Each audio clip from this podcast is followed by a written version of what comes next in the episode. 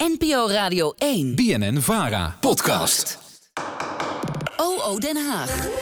Elke dinsdag gaat onze Haagse redactie op zoek naar het antwoord op een politieke luisteraarsvraag. Deze week ging onze eigen politieke redacteur Sandrine Teloze langs bij D66 Tweede Kamerlid Hint Dekker Abdul Aziz. De Nieuwsbv. De vraag Aan Den Haag. Het is weer dinsdag, dus je zat vast al te wachten op die nieuwe politieke luisteraarsvraag. En deze week komt die van Wim. Na het vragenuur in de Tweede Kamer op dinsdagmiddag wordt er gestemd over moties en wetsvoorstellen. Ik vraag me af waarom dat nog steeds op zo'n omslachtige manier gebeurt. Met handopsteken, waarbij de voorzitter dan steeds het hele riedeltje van partijen die voorstemden af moet draaien. Kan dat niet wat slimmer, in ieder geval wat minder tijdrovend? Ja, Wim, zo gaat dat iedere dinsdagmiddag hier in de Tweede Kamer. President Haan, Partij voor de Dieren verworpen. Het gewijs amendement Gimbis CS 52 Romeinse 2. Wie is voor dit amendement? GroenLinks bijeen, Volt, Denk, fractie Den Haan, P van de A Partij voor de Dieren, D66, de heer Omtzigt, ChristenUnie, VVD, SGP, CDA, BBB, Ja 21 Groep van Haga, aangenomen. Het gewijs amendement van... Dat gaat nog wel even door. Kijken of het tempo nog wat omhoog kan. Ik ga naar Tweede Kamerlid Hint Dekker Abdulaziz van D66. Meestal probeer ik wel op te letten.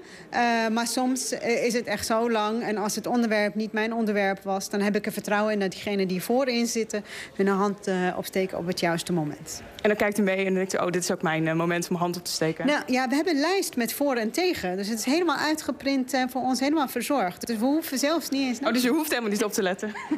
nee, ja, je kijkt gewoon, moet, moet ik voor of moet ik tegen stemmen? De grootste stemmingen zijn wel meer dan 12 bladzijdes. En heeft u nou wel eens een foutje gemaakt? Uh, nee, ik niet.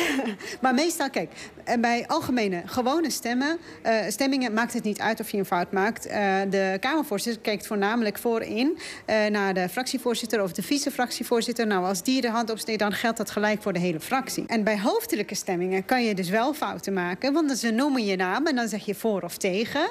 Ja, ik heb nooit fout gedaan, nog niet. Maar er is wel eens een foutje geweest, ja. Dus zo'n hoofdelijke stemming duurt ook veel langer. Want dan, nou ja, jullie zijn met 150, die moeten dan allemaal omste beurt. Omste beurt. Dat gaat namelijk zo.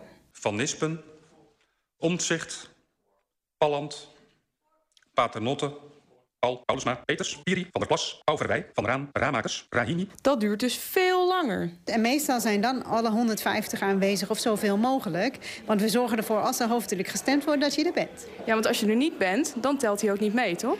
Dat is het. Ik sta niet voor niks bij u. u gaat, voor D66 heeft u het vaak over digitalisering in de Tweede Kamer.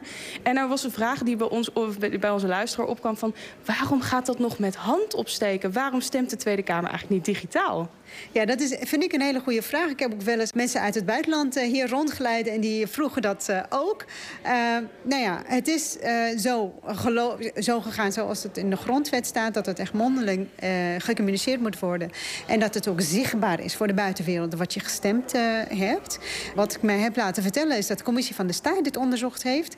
En uit de resultaten van het onderzoek blijkt... dat digitaal stemmen niet sneller is dan hoe we het nu doen... omdat alle fracties sowieso genoemd moeten worden we hebben er 20 plus fracties. En dat daarom eigenlijk niet zoveel zin heeft om digitaal te stemmen nu voor het algemeen te stemmen. En dan is dat vooral bij zo'n algemene stemming. Want ik kan me voorstellen, zo'n hoofdelijke stemming, dan zou het wel veel tijd schelen. Ik denk dat bij hoofdelijke stemmingen het uitmaakt. Kijk, in de tijd van, uh, van Gerry Verbeet, 2007, hij heeft erover gezegd dat het, het niet zo heel vaak voorkomt. Nou, ik kan u vertellen dat het anno 2023 anders is. De stemmen staken ook wel eens en dan moet je ook hoofdelijk. Wat betekent dat? Als de stemmen staken, uh, dan is het even aantal voor als tegen. En dan moet er dus sowieso hoofdelijk gestemd worden. Dat gebeurt steeds vaker de laatste jaren. Dus u zegt, nou dan zou dat misschien wel handig zijn. Ik, ja, het zou misschien kun, handig kunnen zijn. Maar dan moet je daarvoor wel de grondwet wijzigen. En daarom is het ook een, best wel een drempel. Wij zijn een fractie van vooruitgang. Dus we gaan het sowieso niet tegenhouden. Maar het is wel de moeite waard om te kijken of het, uh, ja, of het echt zo is... dat hoofdelijke stemmingen meer worden. En of het echt heel veel tijd scheelt bij hoofdelijke stemmingen. Want ik denk dat daar wel iets in zit. Ja, heb jij net als uh, Wim ook een vraag aan Den Haag? Mail die dan even naar uh, de nieuwsbv politiek.bnnvara.nl. Ja, wie weet hoor jij je eigen vraag terug op de radio. NPO Radio 1.